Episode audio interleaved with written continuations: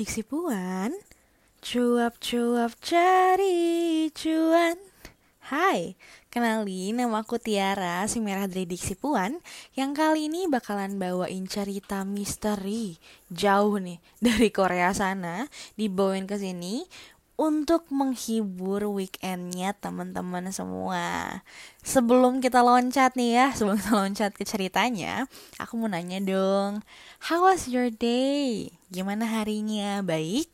Semoga baik-baik aja ya, semoga yang ada acara acaranya sukses yang lagi di perjalanan sampai ke tempat tujuan dengan selamat dan yang lagi di rumah kayak aku sekarang bisa nikmatin istirahatnya dengan santai, tenang, nyaman. Kalau misalnya di Batam tuh sekarang lagi hujan, abis hujan, jadi suasananya tuh adem banget, ada banget, nyantai banget, jadi asik banget lah buat dengerin podcast kali ini. Jadi kita lanjut ya ke ceritanya. Cerita itu namanya The Mystery of the Missing Frog Boys. Frog Boys, iya, bener. Misteri hilangnya anak-anak kodok. Buat yang nyangka kalau kita bakalan ngebahas tentang anak kodok yang hilang, jawabannya enggak ya teman-teman. Kalau nanya kenapa, nah makanya sekarang duduk, bawa makanannya, minumannya, terus ayo kita cerita. Dengerin cerita aku kali ini. Jadi, pada tanggal 26 Maret 1991, hari itu di Korea tengah ada pemilihan pemimpin daerah yang serentak gitu, pemilu lah ya. Sehingga pada waktu itu sekolah tuh libur. Jadi gini teman-teman, kalau misalnya di Indonesia itu kan kalau misalnya pemilu itu uh, lokasinya itu kan per kompleks ya, kompleks, balai desa gitulah pokoknya kan. Jadi kayak tersebar gitu loh Nah, kalau misalnya di Korea itu mereka itu terpusat di sekolah-sekolah gitu. Di sekolah SD sampai di SMA gitu. Jadi tempat pencoblosannya itu di SD atau SMA gitu. SD, SMP, SMA. Makanya hari itu anak-anak sekolah tuh libur karena tempat mereka ya dipakai buat pencoblosan itu kan. Nah, karena libur, jadi kan anak-anak tuh cenderung milih buat bermain dong ya, karena nggak sekolah gitu kan ya, pengennya main. Karena kebetulan hari ini tuh weekday teman-teman, bukan hari yang bukan hari Minggu gitu, hari weekday, hari yang harusnya sekolah, terus jadi libur kan asik gitu ya buat main gitu. Kayak aku pribadi kalau misalnya kalau misalnya libur mah jarang gitu mau belajar gitu ya bun ya. Kalaupun misalnya di rumah pun aku main game atau nggak nonton. Nah, Awal ceritanya diawali dengan anak enam orang anak yang bersekolah di SD Songso di Daegu. Jadi pagi harinya itu mereka berkumpul di rumah teman di rumah satu dari mereka yang namanya Jo Hoyon, salah satu dari enam anak ini. Mereka bermain di dalam rumah. Tapi ternyata di rumah Johoyon ini ada yang tinggal juga, ada yang ngekos gitulah, ada yang ngekos dan ngerasa keganggu. Soalnya gimana ya, ada enam anak bocah SD gitu ya, main pasti kebayang dong berisik ramenya kayak gimana lari sana lari sini teriak sana teriak sini gimana sih? Anak-anak SD laki-laki main di rumah gitu pasti berisik banget karena pusing gitu kan ya si yang ngekosnya tuh akhirnya bilang gih main di luar gih gak usah di dalam ah berisik kayak gitu kan ya. Kayak kita aja lah kalau misalnya ada anak-anak anak-anak kecil yang datang ke rumah kan pusing gitu kadang kepala jadi suka sok-sok main di luar lah nih kasih jajan keluar gitu kan ya. Nah akhirnya enam anak ini tuh pergi keluar lah. Mereka kan gabut ya kayak aduh ke mana lagi nih? Terus kayaknya mereka mau ke gunung. Kita ke gunung Waryong aja yuk gitu kan. Nah gunungnya ini bukan gunung yang jangan mikir kayak gunung apa ya kayak gunung apa gitu yang tinggi gitu ya bun ya. Nggak kayak gitu gitu. Ini gunungnya cuma 299 meter. Kayak lebih mirip bukit sebenarnya. Jadinya kayak tempat tempat yang sering didatangi oleh pada warga gitu. Kayak misalnya kamu mau jogging-jogging kecil ke sana anak-anak mau nyari belalang ke sana bener-bener kayak gunung yang sefamiliar itu gitu buat mereka. Nah akhirnya nama anak itu tuh berencana mau ke si gunung Waryong ini. Tapi satu orang anak di antara mereka yang namanya Kim Daryong berpisah karena dia belum sarapan. Jadi mau ah aku mau sarapan dulu deh belum sarapan nih aku pulang ya katanya gitu kan. Izin pulang. Nah pas si Kim Doryong ini pulang limanya tetap naik ke atas. Tujuan mereka naik ke atas itu buat nangkep salamander. Salamander salamander nih. Nah salamander itu kan kayak bentuknya kayak cicak kayak kadal gitu ya. Nah ini sebenarnya yang jadi asal awal mula dari si hmm, misteri kodok ini tuh datangnya dari salamander. Kenapa? Karena kan ini kan di, nanti kan digencar diberitakan ya sama media-media, sama orang ceritanya mulai simpang siur dari mulut ke mulut sampai ngiranya kalau mereka itu nyari kodok gitu. Jadi anak-anak itu hilang saat mencari salamander, tapi disalah tafsirkan. Jadi anak-anak ini hilang saat mencari telur kodok gitu loh. Karena bentuk salamander ini mirip sama kecebong gitu loh. Gitu pokoknya intinya seperti itulah. Jadi anak-anak itu ke gunung tujuannya buat nyari salamander sama telur-telurnya gitu kan ya. Gimana sih anak kecil gitu kalau nggak nyari belalang nyari kodok gitu emang suka aneh-aneh aja gitu kan ya. Nah akhirnya hmm, mereka naik tuh ke atas. Nah lima anak yang naik ke atas itu bervariasi gitu umurnya. Jadi mereka tuh anak SD cuman jenjangnya tuh campur gitu dari kelas 2 sampai kelas 6. Jadi ada Jo Hoyon umur 12 tahun yang tadi rumahnya dipakai tapi disuruh keluar itu. Ada Kim Yong Gyu umur 11 tahun, Park Chanin umur 10 tahun, Kim Jong Sik 9 tahun, Woo Chol Won umur 13 tahun. Dia tuh paling tua di antara mereka. Jadi jenjang tuh beda-beda gitu ya. Nah, jadi mereka itu uh, main kan dari pagi ya, terus mulai ke hutan itu sekitar jam 10-an gitu. Nah, mereka tuh izin sama orang tuanya dari jam 8, jam 9 gitu. Nah, orang tuanya mulai khawatir soalnya dari jam 9 sampai jam 6 sore mereka tuh belum pulang gitu. Nggak pulang buat makan siang nggak pulang buat makan sore nggak minta jajan juga. Akhirnya orang tua tuh mulai resah gelisah gitu kan ya.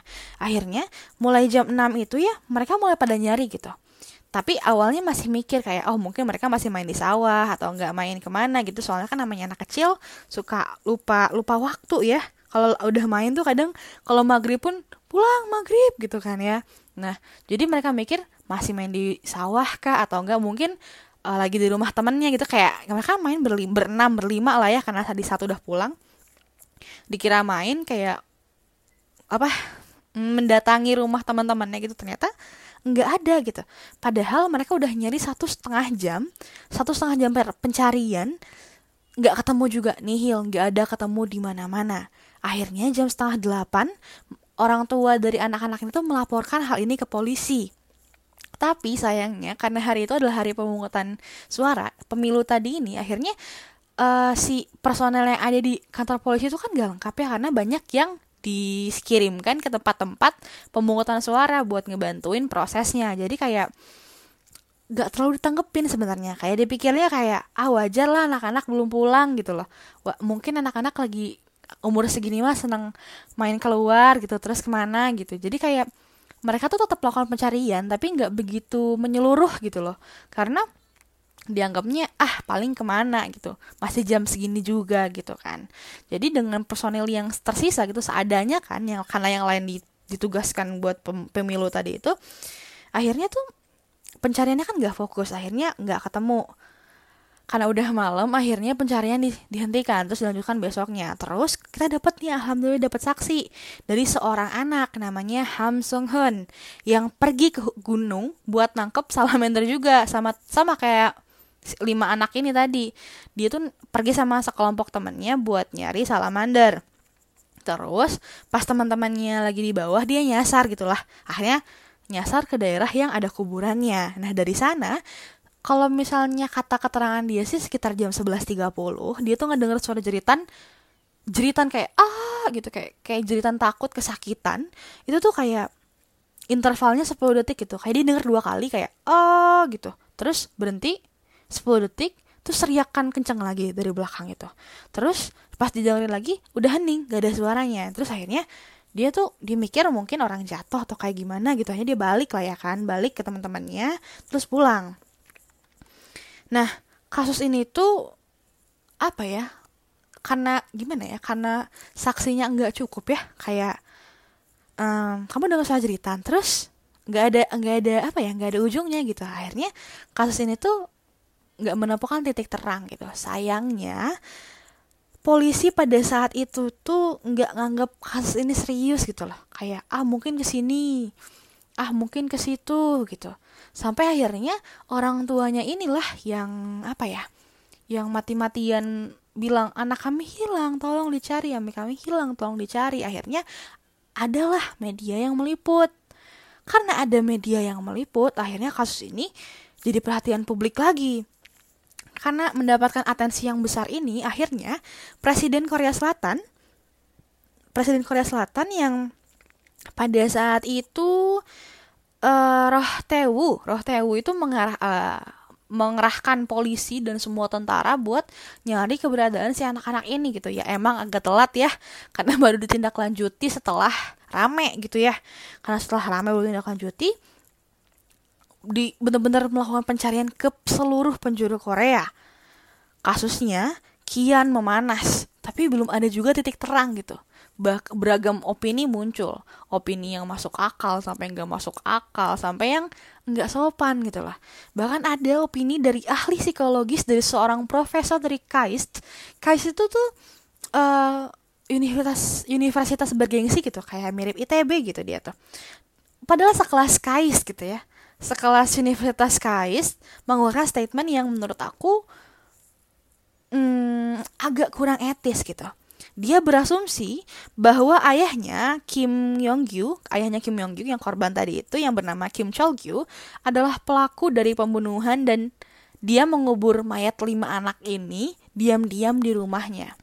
Memang dalam kasus pembunuhan seperti ini pihak yang patut dicurigai pertama kali adalah orang tua atau keluarga atau bahkan orang terdekatnya. Iya, bener, emang harusnya seperti itu gitu. Tapi konteksnya uh, si ahli psikolog dari KAIS ini tuh bukan sekadar berte berteori gitu loh, tapi bener-bener mau apa ya datang ke interview terus ngomong pembunuhnya Kim Chol Gyu gitu jadi kesannya tuh bukan membuat teori tapi menuduh gitu menuduh dengan kuat walaupun nggak ada bukti apa pun selain keyakinannya gitu loh. Akhirnya karena pemberitaan ini masif ya akhirnya tuh rumah dari Kim Chol Gyu ini digeledah. Dan digeledahnya tuh bukan sekadar digeledah biasa gitu loh tapi sampai bener-bener dindingnya dihancurin dibob jebol gitu loh buat lihat dikubur nggak nih di, di dinding gitu ya. Lantainya tanahnya di digali dibolongin gitu loh sampai sampai hancur gitu. Terus nihil. Emang bukan dia pelakunya emang bukan mereka pelakunya gitu. Kenapa ya? Karena kalau dipikir-pikir agak enggak mungkin mereka yang melakukannya. Kenapa? Karena dalam proses pencarian lima orang anak yang hilang ini mereka tuh semuanya berhenti dari pekerjaannya benar-benar menginvesti menginvestasikan semua harta kekayaan yang mereka miliki sisa harta yang mereka miliki buat pencarian anak-anak mereka gitu loh. Mereka sampai berhenti kerja nyewa minibus buat buat nyari anak-anaknya. Dari pulau satu ke pulau yang lain kota satu ke kota yang lain gitu. Bareng-bareng gitu berlima. Walaupun hasilnya nihil gitu. Jadi mendengar hal itu lalu rumahnya digeledah seperti itu ini tuh bikin keluarga korban tuh makin terpuruk gitu ya. Udahlah jatuh tertimpa tangga pula gitu. Udah kehilangan anak dituduh sebagai pembunuh lalu dihina melalui tindakan yang tidak etis nah akhirnya karena nihil akhirnya si ahli psikolog cuman bisa bilang maaf maaf karena telah menorehkan luka baru lalu selesai gitu loh. Ya gimana ya? Penyelesaian tuh nggak ada dia cuma bisa bilang maaf aja gitu. Sama bilang saya akan mengganti rugi gitu. Masalahnya kan bukan sekadar diganti rugi ya tapi di perasaan yang sudah dilukai gitu loh. Akhirnya pencarian pun dilanjut. Gak cuman polisi atau tentara tapi juga kayak lembaga sosial atau enggak warga biasa pun turut ikut membantu gitu tapi tetap nggak ada petunjuk yang ditemukan Hingga akhirnya 11 tahun kemudian, untuk pertama kalinya sebuah petunjuk yang sangat besar ditemukan. Jadi hari itu ada seorang ibu-ibu yang lagi ngedaki Gunung Waryong ini buat jalan-jalan sore sambil mau metik buah dari pohon ek. Karena aku bilang udah aku bilang tadi kan kalau misalnya Gunung Woryong ini bukan gunung yang tinggi, bukan gunung yang buat hiking rame-rame terus kemah kemah piknik bukan, tapi lebih ke arah uh, gunung yang emang buat nyantai aja gitu olahraga santai gitu. Nah, pas dia lagi ngambil bu buah dari pohon ek ini, dari kejauhan dia lihat setumpuk sejajar gitu kayak aneh gitu dari jauh ditutup ditutup kelihatan aneh lah menyeramkan gitu kayak mencurigakan. Ih kayak kayak posturnya kok kayak familiar gitu loh kayak aduh apa tuh? gitu. Kayak tulang gitu loh. Akhirnya dia telepon pihak kepolisian. Pihak kepolisian langsung datang ke TKP dan menemukan kerangka tulang, sisa-sisa tulang dari yang dicurigai adalah merupakan anak anak yang hilang itu gitu. Karena selain ditemukan tulang-tulang jumlahnya pas 5 dari tulang anak kecil terus bajunya pun baju yang dipakai oleh anak-anak itu untuk yang tra, uh, saat terakhir kali ditemui gitu. Nah, anehnya polisi tuh enggak apa ya enggak melakukan investigasi yang menyeluruh gitu loh. Jadi terkesan asal terkesan terburu-buru kayak pengen buru-buru menyelesaikan kasus lah gitu dia bilang kalau misalnya uh, ini tuh mereka meninggal karena kedinginan. Bener-bener nggak masuk akal buat warga sekitar apalagi orang tuanya. Karena gunung ini tuh bukan gunung asing gitu. Kayak ibu-ibu tadi aja ya. Ibu-ibu Parubaya naik ke gunung cuman buat ngambil buah gitu loh. Se sefamiliar itu sama Gunung Woryong ini tersesat sampai kedinginan dan mati kedinginan gitu. Terus nggak cocok juga gitu sama hasil otopsi gitu. Jadi seolah-olah polisi ini hendak menutupi sesuatu seolah ingin terburu-buru menyelesai menyelesaikan kasus ini gitu. Padahal ya ini kan kasus umurnya hampir 11 tahun gitu ya. 11 tahun 12 tahunan lah ini kasus tuh ya dari sampai saat ditemukan itu. Kasus besar yang sampai presiden pun mengerahkan polisi dan bala tentara buat mencari anak tersebut gitu anak-anak tersebut gitu kan. Tapi saat akhirnya menemukan closure berupa ketemu nih mayat anak-anak ini gitu loh. Bukannya bergairah untuk ditindaklanjuti mereka seolah-olah pengen buru-buru tutup buku gitu loh. Cuci tangan tutup buku gitu. Anak-anak udah ketemu meninggalnya kedinginan udah. Tapi ternyata setelah dilakukan otopsi lebih lanjut, kita apa ya, menemukan banyak banget keanehan. Keanehan pertama, posisi ditemukan anak-anak tersebut. Anak-anak tersebut posisinya ditemukannya di gunung itu, di Gunung Woryong, di gak jauh-jauh banget, bukan di tempat yang mau remoted gitu bukan, tapi benar-benar tempat yang umum untuk dilihat gitu kayak ibu-ibu itu lagi ngambil pohon ek loh terus gak sengaja lihat tulang gitu kayak segampang itu jadi memang ada yang bilang mungkin karena posisinya di seberang pemukiman kali ya katanya gitu. Makanya nggak ketemu. Cuman kan polisi sama tentara tadi katanya udah menyisir area itu. Tapi kok nggak ketemu gitu. Apakah penyisirannya tuntas? Kan menimbulkan tanda tanya kan di akhir.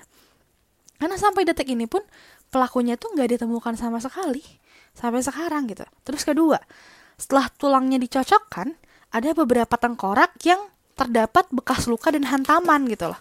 Loh, kalau misalnya mereka kalau misalnya mereka itu mati karena jatuh terus kedinginan, kok yang ada luka hantaman gitu karena jadi contohnya tuh tengkorak punya si Wu Cholwon ya, Wu Cholwon yang anak-anak tadi itu tengkorak itu bolong, ada dua bolongan, satu bolong sampai tembus, satu lagi cuman bolong aja gitu. Terus di atas alis Kim Jong Suk juga terdapat lubang serupa gitu loh. Belum lagi ditambah dengan tangannya yang retak. Jadi tangannya si Kim Jong Suk itu retak hancur gitu loh. Kayak terhantam kayak bekas apa ya? Luka defensif gitu loh, luka self defense gitu. Jadi luka-luka itu bukan luka-luka yang hadir karena jatuh terus kedinginan gitu ya. Tapi ini karena kayak menahan serangan gitu loh kayak abis dipukulin ditonjokin di diserang dia apa-apain tapi dia coba tahan uh, ke, ini itu pakai tangan tuh kayak self defense tuh loh buat mempertahankan dirinya gitu kan. Jadi lukanya tuh kayak nahan pukulan sampai patah tulang bukan karena patah tulang yang disebabkan oleh jatuh gitu loh. Terus kedua Kim Yong Gyu dia tuh dari tengkorak tuh kelihatannya kalau dia tuh kayak ditonjok gitu bajunya bajunya pun tuh robek itu kayak robek yang bekas ditarik bukan robek karena nyangkut gitu. Kalau misalnya asumsinya atau teorinya dia tuh jatuh kan bentuknya apa ya robekan tuh robekan robekannya tersangkut lalu tertarik gitu. Ini tuh tidak ini tuh melar terus robek kayak ditarik sama tangan gitu lah. Lalu tapi kalau dua mayat yang lainnya tuh nggak ada apa ya nggak ada luka berarti gitu cukup normal cuman ada luka tembakan gitu loh tapi nggak bisa di belum bisa dikonfirmasikan juga kalau itu luka tembakan karena bolong gitu kan. Bolong ini bentuknya udah tengkorak gitu memang. Ditemui sebuah peluru kosong. Ada peluru kosong di sana tapi lokasinya itu sebenarnya tuh deket sama uh, tempat latihan tembak gitu. Makanya kayak nggak terlalu diambil pusing karena mereka mikirnya mungkin ini peluru nyasar gitu kan. Terus uh, akhirnya para ahli ini mem, uh, apa menilai kan menilai terus dia bilang ah ini pelakunya satu orang katanya kayak gitu pelakunya satu orang katanya gitu terus muncul pertanyaan kalau misalnya pelakunya satu orang, kenapa lima-limanya bisa mati semua di tempat yang sama gitu? Gimana ya kalau lima orang, lima orang bocah gitu, satu orang pembunuh gitu. Setidaknya tuh ada yang kabur kan biasanya itu bener-bener yang cepet semuanya meninggal gitu loh. Terus karena tadi aku udah nyebut tentang peluru kosong kan. Nah, yang anehnya lagi di hari itu tuh kan tadi gini, kenapa bisa ada peluru kosong gitu? Kenapa bisa ada peluru kosong gitu? Sedangkan pada hari itu kan lagi pada libur ya. Kan aku bilang tadi pemilu gitu. Akhirnya ya otomatis base militer pun tidak ada pelatihan yang terlaksana gitu kayak nggak lagi berjalan gitu karena libur kan karena harus memilih pemimpin libur. Tapi kenapa tetap ada peluru yang nyasar gitu loh berarti ada orang lain dong yang melakukan aktivitas tembak menembak dan bisa aja nyasar pelurunya nembak. Ya kita nggak tahu ya. Kita nggak bisa eh, nggak uh, bisa berasumsi ke arah sana gitu.